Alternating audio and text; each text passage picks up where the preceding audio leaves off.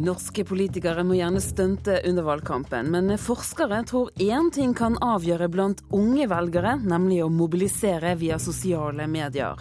Dissimile sier de ikke blir tatt alvorlig, og reagerer på at de ikke blir teateranmeldt. Vi anmelder kun de største oppsetningene, svarer kulturredaktører.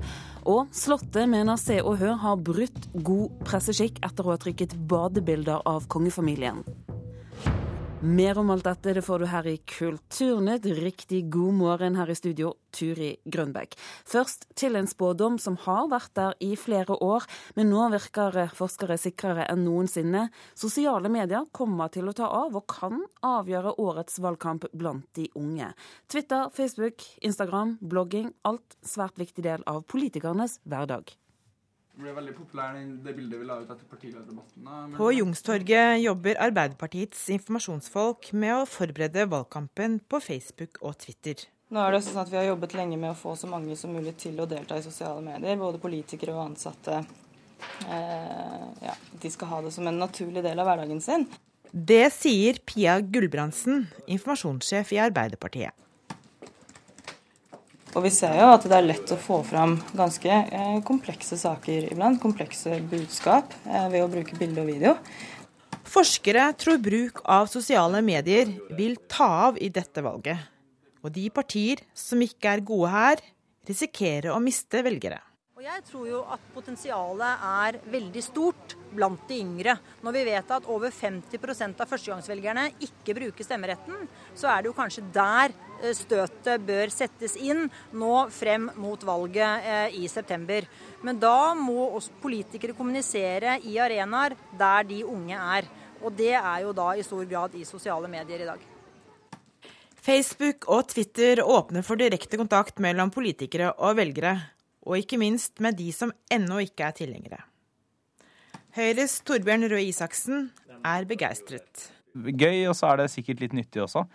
Men først og fremst fordi jeg syns det er morsomt. Så nytteverdien av det er, kommer liksom i andre rekke. Og det er muligheten til å spre et enkelt budskap, bilder og video, som gjør sosiale medier så kraftfullt. Det spesielle med Facebook det er jo at på samme måte som det er mye mer virkningsfullt hvis kameraten din har på seg en høyrebutton enn hvis du bare ser Erna Solberg på TV, så er det mye mer virkningsfullt hvis kameraten din deler en, eh, ja, f.eks. et leserinnlegg som Høyre har skrevet, enn hvis bare Høyre har skrevet og det står i avisa.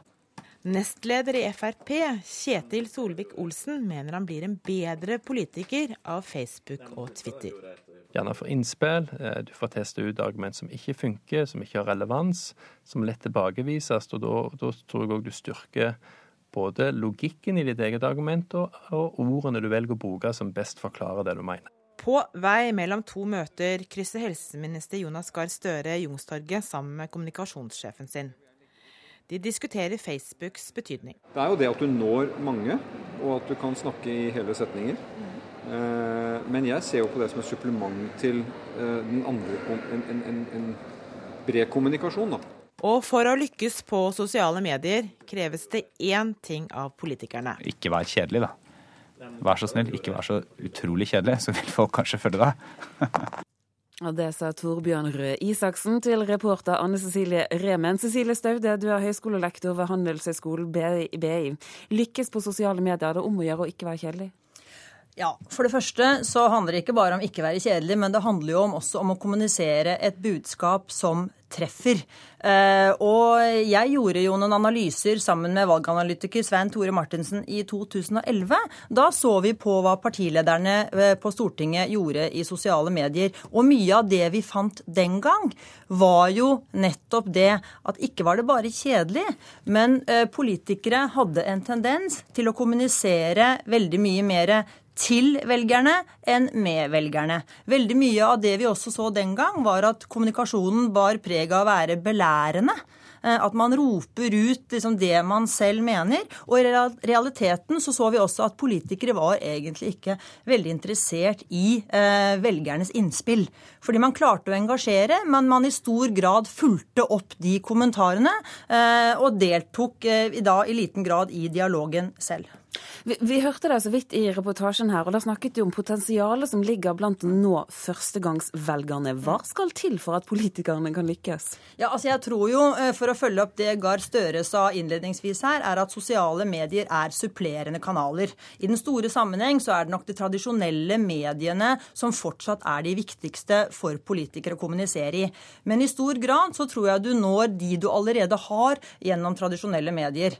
De unge i dag eh, når du helt andre steder. Og vi vet jo at under halvparten av førstegangsvelgerne bruker stemmeretten sin. Eh, bruker ikke stemmeretten sin. Eh, og da mener jeg at eh, politikere, uansett parti, har jo et ansvar for å påvirke til å øke engasjementet blant de unge. Vi kan ikke ha en valgdeltakelse blant førstegangsvelgerne som ligger under 50 i dag. Men da må du i første omgang starte med å kommunisere der de unge er. Og så må du også kommunisere på et språk som de unge forstår. Vi har jo helt ny forskning som sier nå at veldig mange av de unge syns at politikere politikken er komplisert. De forstår ikke eh, hva, som, hva, som, kommuniseres. Og der tror jeg politikere har en stor utfordring. At man i mye større grad fremover nå må dele seg opp i kommunikasjonen. Noen vil treffe deg gjennom debatten på NRK, andre vil treffe deg på Facebook, og nå er det flere som også vil treffe deg gjennom bilde og ikke minst video på Instagram. Det er politikere nødt til å ta inn over seg. Ja, tror du at de klarer det? Evner de det? Ja, altså Vi holder jo på med nye analyser nå uh, av de samme partilederne på Stortinget. Uh, og vi ser jo en dreining faktisk fra å være veldig enveisorientert i kommunikasjonen, til at flere også uh, bruker sosiale medier til å utveksle meninger. Og, og, og flere er blitt flinke. Noen? Ja, de, de jeg synes er, Han jeg syns er flinkest, faktisk, er Knut Arild Hareide. Han har gått fra å være ukomfortabel i sosiale medier i 2011 2011. Alt han gjorde i sosiale medier den gang, bar preg av at han ikke likte å være der. Nå smiler Knut Arild Hareide fra øre til øre på Facebook, og han er faktisk også en av de som er de beste, syns jeg, til å invitere eh, til eh, meningsutveksling. Både eh, partifeller imellom og med velgerne. Og han er også den faktisk som er den rauseste av, de av de jeg ser, som er, gir andre politikere kred i sosiale medier. Istedenfor å dunke hverandre i hodet med motstridende argumenter, så tror jeg du kan tjene på å være raus. Det er ikke ofte vi ser blant politikere i dag. Cecilie Staude, høyskolelektor ved Handelshøyskolen BI, takk skal du ha.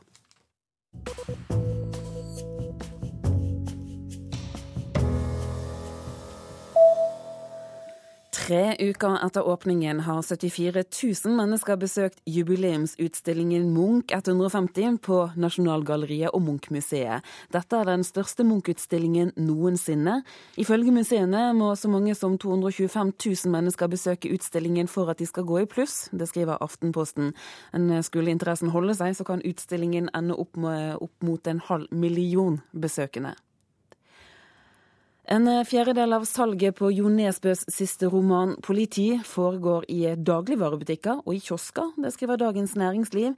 Politi er hittil distribuert i 410 000 eksemplarer. Og av dem er drøyt 100 000 bøker spesialprodusert for bestselgerforlaget for salg i dagligvarebutikken og i kiosker.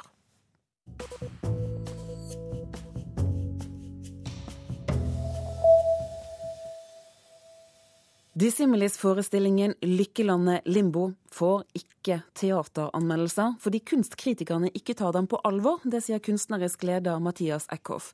Forestillingen har blitt satt opp i to omganger, både før jul og i sist helg. Men til tross for at pressen har blitt invitert, så har ingen anmeldt den. Denne helgen spilte Dissimilis sin siste forestilling for sommerferien. Jeg spiller Per Gynt, som vi alle kjenner fra Ibsen. Og han kommer til en ny verden, da. Og så møter han en mann da, som plutselig vet alt om han, og tar med Per Gynt på en sånn reise. Da, gjennom eh, Mats Sollid spiller en rolle mange drømmer om å gjøre, Ibsens Per Gynt. Han er medlem i Dissimilis, som i år feirer 30-årsjubileum, og det har blitt markert med forestillingen 'Lykkelandet limbo', som ble satt opp i Operaen i Oslo denne helgen. Jeg vet jo at uh, audience vil ha skikkelig performings. og da prøver jeg å lære litt og se litt på TV, hva disse skuespillerne på TV og sånn. og i Lykkelandet Limbo opptrer Dissimilis-medlemmer og profesjonelle sangere og dansere side om side. I et grått og dødt fabrikklandskap, der aktørene er fanget bak piggtrådgjerder og søppelsekker, blir publikum vitne til moderne dans, sang og musikk, og ensemblet spør oss hvem vi egentlig er, og hvor sorteringssamfunnet er på vei.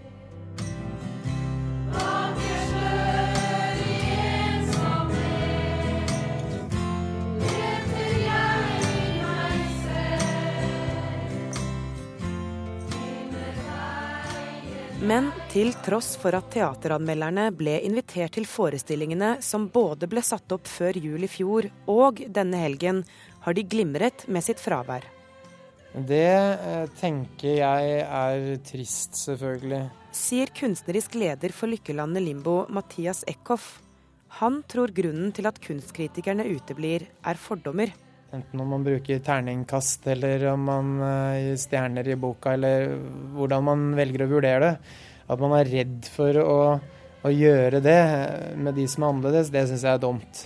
I hvert fall når man her forsøker å gjøre det ut fra våre forutsetninger, og de forutsetningene er gode nok til å skape et eget kunstnerisk uttrykk. Og tilbakemeldingene vi har fått, er jo at, uh, at folk har ja, virkelig opplevd noe som de like gjerne kunne opplevd på Nationaltheatret eller på operaen ellers og sånne type ting. Eh, Dissimilis er en eh, seriøs og høyt kvalifisert eh, kulturaktør som, som det ikke er noe i veien for å anmelde. Mener kulturredaktør i Aftenposten Knut Olav Åmås. Han er ikke enig i at Lykkelandet Limbo ikke ble anmeldt pga. fordommer. Det er harde prioriteringer, og vi eh, bruker ressurser bare på å anmelde en, en, veldig liten del av det som skjer. Og Det er ikke noen uh, nedvurdering av kvaliteten som ligger i det heller. Det er veldig mye porsjonell kultur på svært høyt nivå vi ikke anmelder. Det er veldig få forestillinger som vi anmelder i det hele tatt. Eh, de vi stort sett anmelder, er de som da er de virkelig store oppsetningene. Forteller kulturredaktør i Dagsavisen Mode Steinkjer. Og nettopp det at pressen velger å fokusere på de store oppsetningene, mener Eckhoff er en del av problemet. Pressen eh, valgte, når vi satte det opp, de var i huset samme dag som vi hadde premiere på Operahuset, så valgte de å dekke Nøtteknekkeren, som har gått godt sammenhengende i 30 år, foran Dissimilis, som hadde sitt 30-årsjubileum, og som gjorde noe nytt.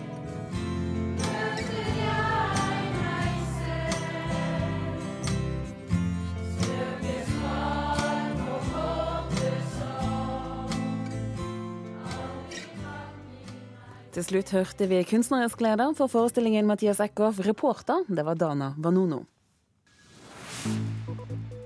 Klokken den er passert 8.16. Du lytter til Kulturnytt og til Nyhetsmorgen. De viktigste sakene denne morgenen er at langt flere menn enn før oppsøker norske krisesentre som følge av vold fra kvinner. Likevel er det mange som synes det er vanskelig å varsle. Fordi at det er det bildet om at eh, vold i nære relasjoner primært går fra menn mot kvinner, så er det mange menn som blir utsatt for vold, som er redd for ikke å bli trodd. De er redd for at hvis de går til politiet, hvis de melder til barnevernet, hvis de prater med noen andre, så er de redd for ikke å bli trodd. Det sier Bjørn Løvland i Reformressurssenter for menn. Taliban tar på seg skyld for flere angrep sentralt i Kabul i dag. Presidentpalasset var et av stedene som ble angrepet i Afghanistan. Høyre og Fremskrittspartiet overdriver hvor store helsekøene er, sier Norsk pasientregister. Og det har vært en kraftig økning i hvor mye norske bilister betaler i bompenger. Bli med oss videre her i Kulturnytt, for nå skal det handle om omstridte feriebilder av kongefamilien. For etter å ha publisert flere sider med bade- og feriebilder av kongefamilien, så risikerer i dag ukebladet Se og Hør å bli felt i pressens faglige utvalg. Det er Slottet selv som har klaget inn Se og Hør for brudd på god presseskikk. Vi syns det var eh, greit å markere det på det tidspunktet nå, fordi det har vært en god del ting da, i den senere tid. Det sa kronprins Haakon tidligere i år, da Slottet klaget Se og Hør inn for prestens faglige utvalg. Slottet mener Se og Hør har brutt god presseskikk i fem artikler publisert fra juli i fjor til februar i år. En av artiklene omhandler kongefamiliens private ferie på St. Barts i Karibia, og inneholder bilder av kronprinsens familie som leker i vannet, og kronprinsparet i badetøy. Slottet mener bildene viser private gjøremål som ikke er ment for offentligheten, og at å vise bade- og strandbilder er en særskilt krenkelse av det private. Dette har allmenn og offentlig interesse. De er fotografert på helt klart offentlig sted sammen med veldig mange andre vanlige turister. Det sa sjefredaktør Ellen Arnstad i Se og Hør til Lørdagsrevyen tidligere i år, som nå ikke vil si noe mer om saken før PFU har behandlet den senere i dag. Slottet klager også på et førstesideoppslag fra januar i år om kostnader knyttet til kronprinsfamiliens juleferie. De mener artikkelen er basert på uriktige opplysninger, men Arnstad mener Se og Hør har sitt på det rene. Vi har rettet det som var uriktig, eh, og også eh, hoffets da, påstander om at vi har brukt bilder vi ikke har mulighet rett til å bruke, er feil. Reporter her var Heidi Røneid. Jon Wesselås, du er advokat og ekspert på medierett. og jeg lurer på Hvordan vurderer du denne saken? Hva slags sak har Slottet mot Se og Hør? Jeg tror, eh, jeg tror de har en god sak, med forbehold. Eh, når jeg sier med forbehold, så er det bare fordi her er det jo klaget inn flere reportasjer, og de reportasjene inneholder flere elementer. Så jeg tror nok ikke eh, de blir felt på alt. Eh, alt disse reportasjene de er klaget inn for. Men jeg tror det er gode sjanser for at hoffet vinner fram på flere punkter. Og da gjelder det særlig med bildebruken. Hvorfor særlig bildebruken?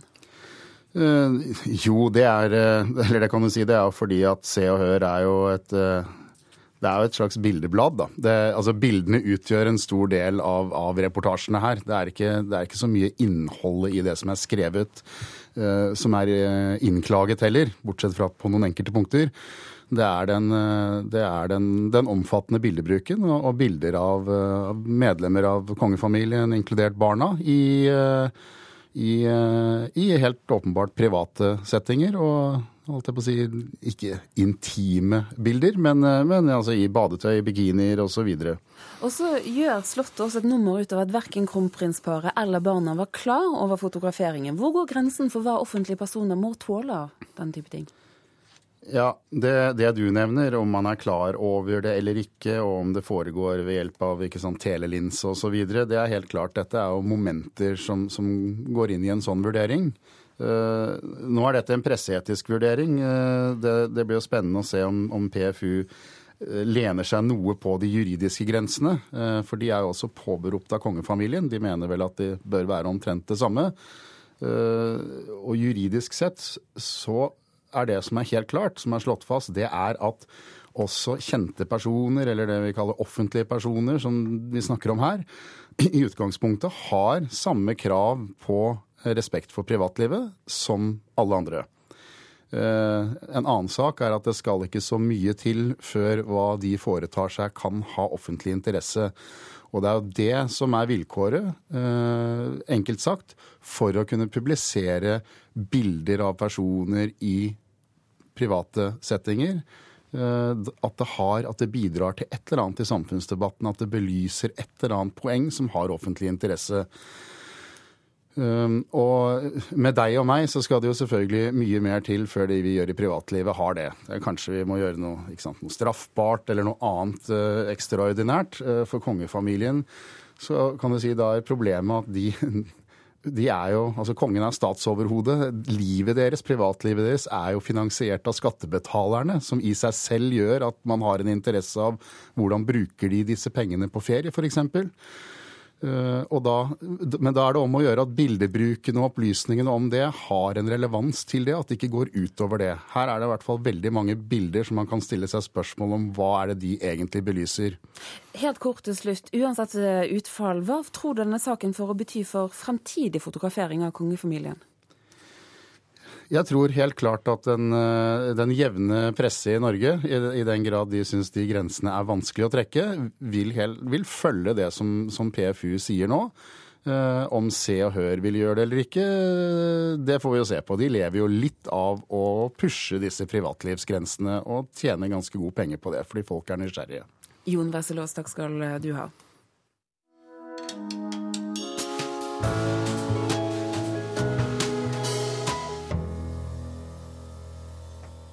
Trioen Blått Godden er fra Valdres, og de gir nå ut sitt første album. Kjernen det er folkemusikk, men de leter også etter inspirasjon i mange sjangre. Vår anmelder Kjetil Bjørgan synes resultatet er velklingende, men også litt ensformig. I Valdres kommer det stadig vekk mye flott musikk med rot i tradisjonene. For ikke lenge siden kom bandet Staut ut med ny plate ikledd en mer eller mindre tydelig følelse av folkemusikk, sunget ut på valdresmål. Sudan Dudan er en duo som også med letthet tripper over ulike sjangere, samtidig som de holder fast i et eldre repertoar. Og akkurat der, i kildene, finnes det mye gull i Valdres, med også mange gode solo-folkemusikere. Og nå har det kommet enda en ny plate, Blått Godden, spilt inn på det Valdres-baserte plateselskapet Talik.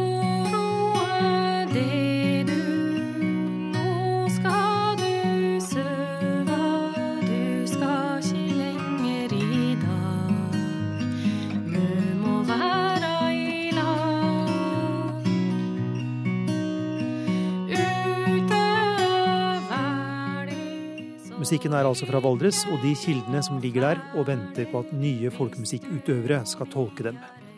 Vokalisten i denne trioen, Ingvild Lie, har også en ganske tradisjonell folkemusikklang og utførelse.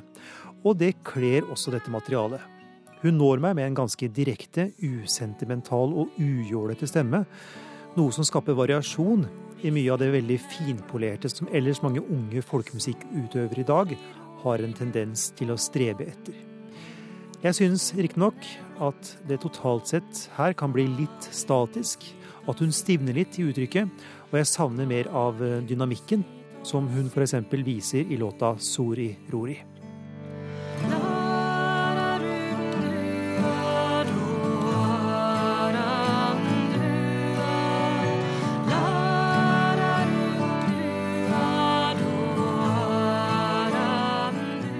Det er opplagt at dette er en gruppe som leter etter sitt formspråk i jungelen av muligheter blant mange sjangere, og det er fort gjort å gå seg vill. Jeg syns likevel de klarer å fange en særegenhet, med koblingen av gitar, harmonium, langleik og mandolin sammen med stemmen. Men i for mange låter blir instrumentene reduserte til riff-baserte gjentagelser. Småpent, men ikke veldig kreativt, og til tider også litt kjedelig. Hva med å utvide trioen med en felespiller? Men så åpner det opp. Gitarspillet framstår som virtuost. De får mer trøkk bak låtene, og stemmen til Lie kommer mer til sin rett. Her er det mye fint å bygge på, selv om det mangler litt, men en OK debutplate fra gode musikere. Våre Gud, våre Gud, svart og fillut, sen ut. Svarte trøye